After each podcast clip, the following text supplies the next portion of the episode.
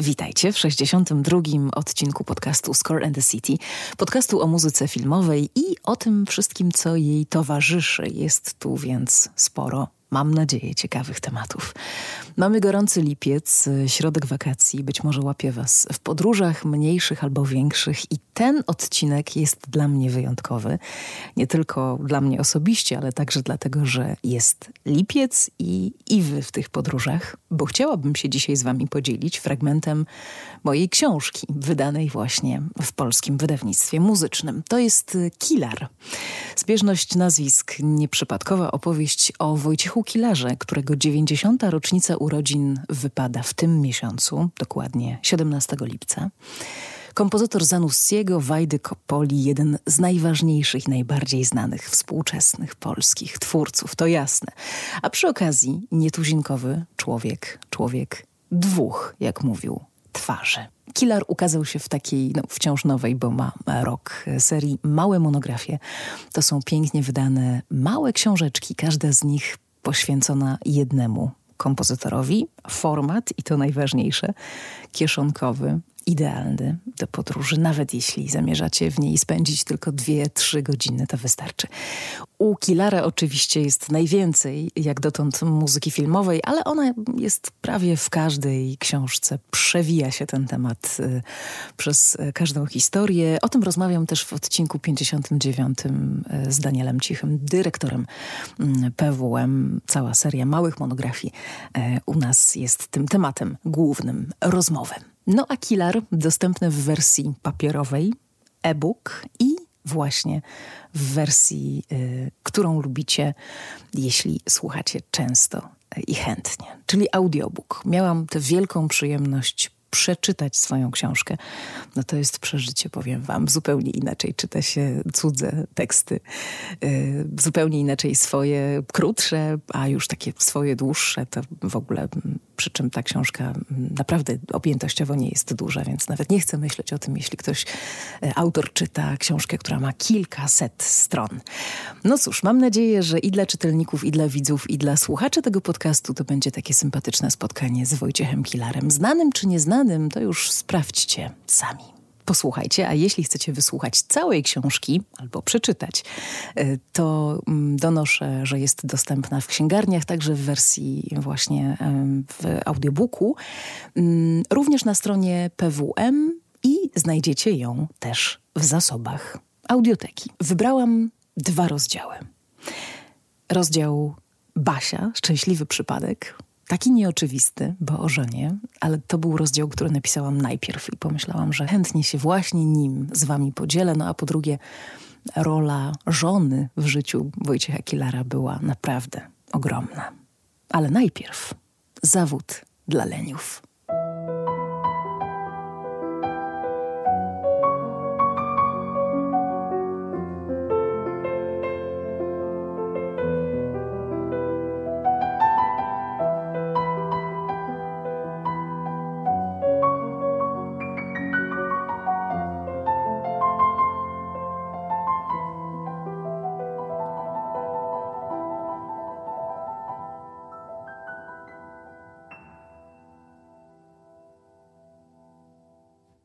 Być może cechą ludzi genialnych jest to, że ich praca i jej efekty wydają się nam, obserwującym, niemal pozbawione wysiłku.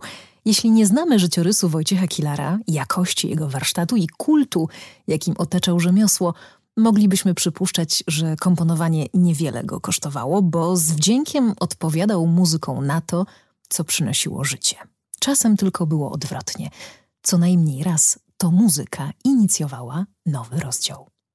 Tak się stało z miłością do Tatr, która najpierw zatliła się w przełomowym dla polskiej twórczości muzycznej Krzesanym. To było jeszcze zanim Kilar poszedł w góry na poważnie. Od 1950 roku jeździł co prawda do Zakopanego i bardzo to lubił. Zatrzymywał się w domu pracy twórczej za Iksu Halama, czasem na kilka tygodni, ale spacerował głównie po Krupówkach. Górskiej pasji nie odziedziczył też jakoś wcześniej po mamie, która podczas wyjazdów na Huculszczyznę z marnym skutkiem uczyła go jazdy na nartach, gdy był jeszcze małym chłopcem.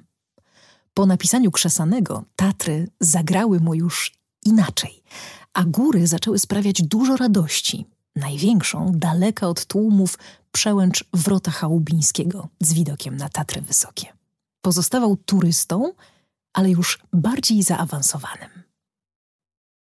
Pierwsza taka poważniejsza wyprawa miała miejsce natychmiast po ukończeniu Krzesanego, bo mówił tak – 14 lipca 1974 roku, w rocznicę zburzenia Bastylii, skończyłem partyturę, która zburzyła moją awangardową Bastylię. Skończyłem i jak zwykle pojechałem do Zakopanego. Poszliśmy na kościelec. Bardzo mi się to spodobało, w związku z czym na drugi dzień wybrałem się na Czerwone Wierchy. To spodobało mi się już trochę mniej. Planując swoją pierwszą górską wędrówkę na serio, Kilar wybrał kościelec i nie było tu przypadku. Postanowił pójść ostatnią trasą kompozytora, którego uwielbiał i którego przedwczesnego odejścia bardzo żałował. Także tego, że nie mogli się nigdy poznać. Na przypadające w 1976 roku stulecie urodzin Mieczysława Karłowicza skomponował drugi poemat z rodzącego się podhalańskiego cyklu. Kościelec 1909 nawiązywał wyraźnie do śmierci symfonika i taternika – pod lawiną w Tatrach. Killer chciał w tej muzyce zatrzymać tragiczne chwile owego 8 lutego 1909 roku, kiedy Karłowicz zginął, złożyć mu hołd oraz odnieść się do porywającej i niebezpiecznej relacji z górami. Poemat ma trzy motywy, którym kompozytor przypisał tytuły: chorałowy temat kościelca, zew otchłani i rozbudowany melodycznie żałobny temat losu. Najpewniej Killer obserwował wysokie góry w podobny sposób jak my wszyscy, z mieszaniną zachwytu i lęku. Gdy spojrzeć na nie, odwrócić wzrok, a potem spojrzeć raz jeszcze, stają się z każdym spojrzeniem jeszcze większe. Kościelec 1909 miał tę kuszącą i przerażającą gradację. Był opowieścią o tajemnicy związku ludzi z naturą i stanowił przeciwieństwo radosnego, krzesanego. Kościelec 1909 sprawił, że o Kilarze było w Zakopanem coraz głośniej. Chciano, aby jego głos, nie tylko ten artystyczny, był pod Tatrami słyszalny. Dlatego w 1977 roku, obok kompozytorów Henryka Mikołaja Góreckiego i Witolda Lutosławskiego, skrzypaczki Wandy Wiłkomirskiej, wybitnych muzykologów, instrumentalistów i pedagogów – znalazł się w grupie założycieli Towarzystwa Muzycznego imienia Karola Szymanowskiego. Wśród utworów ściśle inspirowanych Podhalem były potem kolejne dwa. Zadedykowana Andrzejowi Bachledzie liryczna Siwa Mgła na baryton i orkiestrę z 1979 roku oraz Orawa. Ze skomponowanej w 1986 roku Orawy na orkiestrę smyczkową jej autor był więcej niż zadowolony. Nie była idealna, ale bardzo bliska ideału, na tyle, że nie zmieniłby w niej już nic, ani jednej nuty. Może dzięki tej pewności siebie utwór wybuchający energią i zakończony góralskim hej zdobył tak ogromną popularność w Polsce i na świecie. Razem z rozgłosem koncertowym, bo Orawa należy do najczęściej granych kompozycji artysty. Doczekała się też kilku interesujących wersji na inne instrumenty, w tym na trzy akordeony w opracowaniu Janusza Wojtarowicza z zespołu Motion Trio, na 12 saksofonów Cezariusza Gadziny i na kwartet smyczkowy Krzysztofa Urbańskiego. Pomysł, by napisać muzykę w stylu rozbudowanej góralskiej kapeli, był starszy niż wszystkie wcześniejsze tatrzańskie kompozycje Kilara. Został więc gruntownie przetrawiony. Ostateczny kształt zyskał dzięki konkretnemu zamówieniu Towarzystwa Muzycznego imienia Karola Szymanowskiego z okazji dziesiątej rocznicy otwarcia siedziby w willi Atma w Zakopanem. Zaledwie 10 minut i tylko 15 instrumentów smyczkowych wystarczyło, aby Orawa zachwyciła swoją pierwszą publiczność, a potem kolejne i kolejne. Najpiękniejszym wynagrodzeniem, jaki Killer otrzymał za ten utwór, był chyba góralski kapelusz, który dostał podczas zakopiańskiego prawykonania od Związku Podhalan. Tu kompozytor postawił kropkę, muzyczną aluzją do Krzesanego i cytatami z Siwej Mgły zawartymi w Orawie oficjalnie zakończył swój góralski cykl. Mniej oficjalnie, czasem jeszcze do niego wracał. Najlepsza muza? Zamówienie to znaczyło, że ktoś chce go słuchać. Pan Bóg podarował mi zawód dla leniów, przyznawał szczerze. Wiedział, że nie czułby się dobrze jako koncertujący pianista. Wielogodzinne ćwiczenia i koncerty były nie do wyobrażenia.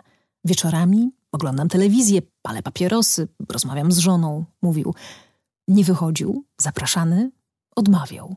Uczynił ze swojego domatorstwa rodzaj wizytówki. Odmówił nawet reżyserowi Francisowi Fordowi Coppoli, gdy ten chciał wydać na jego cześć kolację w Paryżu. Dwie natury Kilara odzywały się także i tutaj. Był niepoprawnym domatorem, który kochał góry i podróże. Na miarę swojego lenistwa oczywiście, bo nie chodziło tu o zdobywanie świata, a po prostu o bycie w ruchu i o doznawanie inspirujących wzruszeń. Basia, szczęśliwy przypadek. Drobne gesty i wielkie słowa. Celebrowanie wspólnej codzienności. Także wtedy, a może szczególnie wtedy, gdy ta wcale nie była łatwa. Modlitwa i muzyka, oczywiście. Wojciech Kilar okazywał swojej żonie uczucie na wiele różnych sposobów i niektóre mogliby zanotować sobie scenarzyści filmowi, tak uroczo je wymyślił. Spośród nich wszystkich przebijają się słowa kompozytora, jakie padły w pewnej przypadkowej ankiecie. Na pytanie o etapy swojej kariery odpowiedział żartem, ale jednocześnie śmiertelnie poważnie, jak to miał w zwyczaju. Pierwszy etap przymusowa nauka gry na fortepianie pod presją moich rodziców. Drugi etap moment, w którym zrozumiałem, że o wiele mniej męczące, nudne, zabierające mniej czasu i o wiele zabawniejsze od grania cudzych utworów jest pisanie własnych. Trzeci etap poznanie mojej żony. Barbarę Pomianowską, uczennicę w klasie fortepianu, Wojciech Kilar poznał w połowie lat 50. w budynku w Katowicach, gdzie na parterze mieściło się liceum, w którym ona się uczyła, a na piętrze uczelnia, w której studiował on. Uroda osiemnastoletniej dziewczyny kompletnie go oszołomiła. Na zdjęciu z domowego archiwum Kilarów młoda Barbara stoi w długiej, jasnej sukni i równie długiej pelerynie lub chuście, zarzuconej na ramiona. Przytrzymuje ją sobie lekko ręką w czarnej rękawiczce. I wygląda na tej fotografii jak z innej epoki. Spokojna i dostojna brunetka, bardzo zgrabna i mądrze piękna. Być może to ta cecha, którą moglibyśmy nazwać również klasą, zachwyciła młodego kompozytora najbardziej, z pewnością go również onieśmieliła. Uważał, że pochodząca ze znanej lwowskiej rodziny Barbara popełniła mezalians, wiążąc się z kimś takim jak on. O ich spotkaniu zadecydował szczęśliwy przypadek. Gdyby któryś z nich wybrało tego dnia inną drogę, być może nigdy by się nie poznali. Wszystko to, co zdarzyło się później w ich trwającym ponad pół wieku wspólnym życiu, było już konsekwencją dobrych wyborów. Dali sobie czas, aby małżeństwo dobrze przemyśleć. Pobrali się dopiero w 1966 roku, po kilkunastu latach burz, rozstań i powrotów. Pierwsze lata nie przypominały bajki. On nie stronił od alkoholu, łatwo wpadał w sidła hulaszczego życia towarzyskiego. Barbara była przeciwieństwem. Dostrajanie się do siebie trwało, ale przyniosło niezwykłe rezultaty życiowe i muzyczne. Wpływ żony na to, co i jak komponował Killer, był olbrzymi. Co on dostał od niej? Bezpieczeństwo i subtelne przewodnictwo. Zakochany bez pamięci kompozytor szedł wszędzie tam, gdzie ona go prowadziła. Odstawił trunki, gdy ona to zrobiła. Pogłębił swoją wiarę, widząc, jak ważna jest religia w jej życiu. Zważał na to, co mówiła o jego muzyce, ale również śmiertelnie się bał, gdy nie mówiła nic, bo to znaczyło, że utwór nadaje się do wyrzucenia. Była jego najlepszą przyjaciółką, z którą godzinami można spędzać czas w domu i do której dzwoni się z najbardziej odległych zakątków świata. Nie można niczego przeżyć naprawdę, jeśli się o tym nie opowiedziało najbliższej osobie. W relacjach przyjaciół pary powtarza się opinia, że Wojciech zawdzięczał Barbarze swoje człowieczeństwo, odzyskane po burzliwych latach. On zaliczał do tych darów także jej pogodę ducha i akceptację wszystkiego, co przynosi im los, a nie przynosił wyłącznie rzeczy dobrych. Co ona dostała od niego? miłość i czystą wdzięczność za udane małżeństwo z partnerką idącą z nim ramię w ramię po tym, jak zrezygnowała z własnego życia zawodowego. Pod uważnym uchem Barbary, która sama była muzykiem, i przy jej wsparciu powstały najważniejsze dzieła symfoniczne Kilara, jak Angelus, Orawa czy Missa Propace. Partytura Magnifikatu zawiera dedykację mojej żonie. Killer kochał widowiskowo. Od kiedy było to możliwe, zlecał przygotowanie rejestracji samochodów z napisem Basia. Najpiękniejszy dowód uczucia dał ukochanej, gdy w 2003 roku stan jej zdrowia się pogorszył. Przez cztery kolejne lata czułej opieki towarzyszył żonie w najtrudniejszej drodze. I to nie śmierć była dla nich najgorsza, a myśl, że jedno zostanie bez drugiego. Odejście ukochanej w 2007 roku nie ostudziło uczucia. Nosił swoją obrączkę i jej na małym palcu. Rok po jej śmierci poświęcił Barbarze dwa utwory. Weni Kreator na chór i orkiestrę smyczkową było jak terapia w skrajnie trudnym momencie życia. Polskie prawykonanie miało miejsce w pierwszą rocznicę jej śmierci. Tedeum na głosy solo, chór mieszany i orkiestrę zbiegło się w czasie z 90. rocznicą odzyskania przez Polskę niepodległości, ale prywatny aspekt dzieła, również dziękczynny, był dla Kilara znacznie ważniejszy. Kontaktu i jakiejś krytycznej odpowiedzi na temat swojej muzyki szukał przy jej grobie, zawsze z różańcem. Pewnie feministki denerwuje fakt, że kobieta podtrzymuje mężczyznę, ale to może działać w dwie strony. Tak samo jakaś kobieta mogłaby powiedzieć o swoim mężczyźnie, że jest delikatny, wybaczający, że ma w nim wsparcie. Nie potrafię się od tego wyzwolić. Nieważne, czy to dobrze, czy źle, tajemnicę różańca odnoszę do mojej żony. Bolesną też, mówił. To była najpiękniejsza miłość w polskiej muzyce XX wieku. I nawet jesienią 2021 roku jeden z kolorowych magazynów opisał związek killarów jako fenomen i dowód na to, jak istotne jest w życiu artysty udane życie prywatne. Ciężko znaleźć dobrego partnera artystycznego. Trudniej chyba tylko żonę, żartuje Sławomir Idziak w rozmowach ze swoimi studentami. W środowisku filmowców drogi kompozytorów i autorów zdjęć nieczęsto się krzyżują, ale tego znanego na świecie operatora połączyło z Killerem całkiem dużo. Sentyment do Katowic, współpraca z Krzysztofem Zanussim, w tym m.in. ich wspólny film Bilans kwartalny, a także doświadczenia hollywoodzkie i to, że i Idziak, i Killer postanowili z Hollywood zrezygnować. W pewnym sensie również ta anegdota. Jako lubiany pedagog Idziak używa dziś często tego przemawiającego do wyobraźni powiedzenia, aby podkreślić znaczenie udanej współpracy artystycznej i nie ma nikogo, kto by się na dźwięk tych słów nie uśmiechnął. Nieliczni pomyślą o żonie, o tej, której w biografiach artystów nie poświęca się zwykle tyle miejsca, ile edukacji bohatera czy jego osiągnięciom. Zawsze jest gdzieś z boku, na drugim planie życia twórcy – Killer miał tu podwójne szczęście.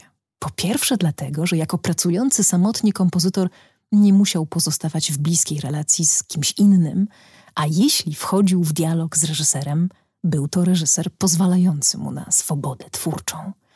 Po drugie, żonę znalazł dość szybko i na zawsze. Barbarze z pewnością należy się osobny rozdział.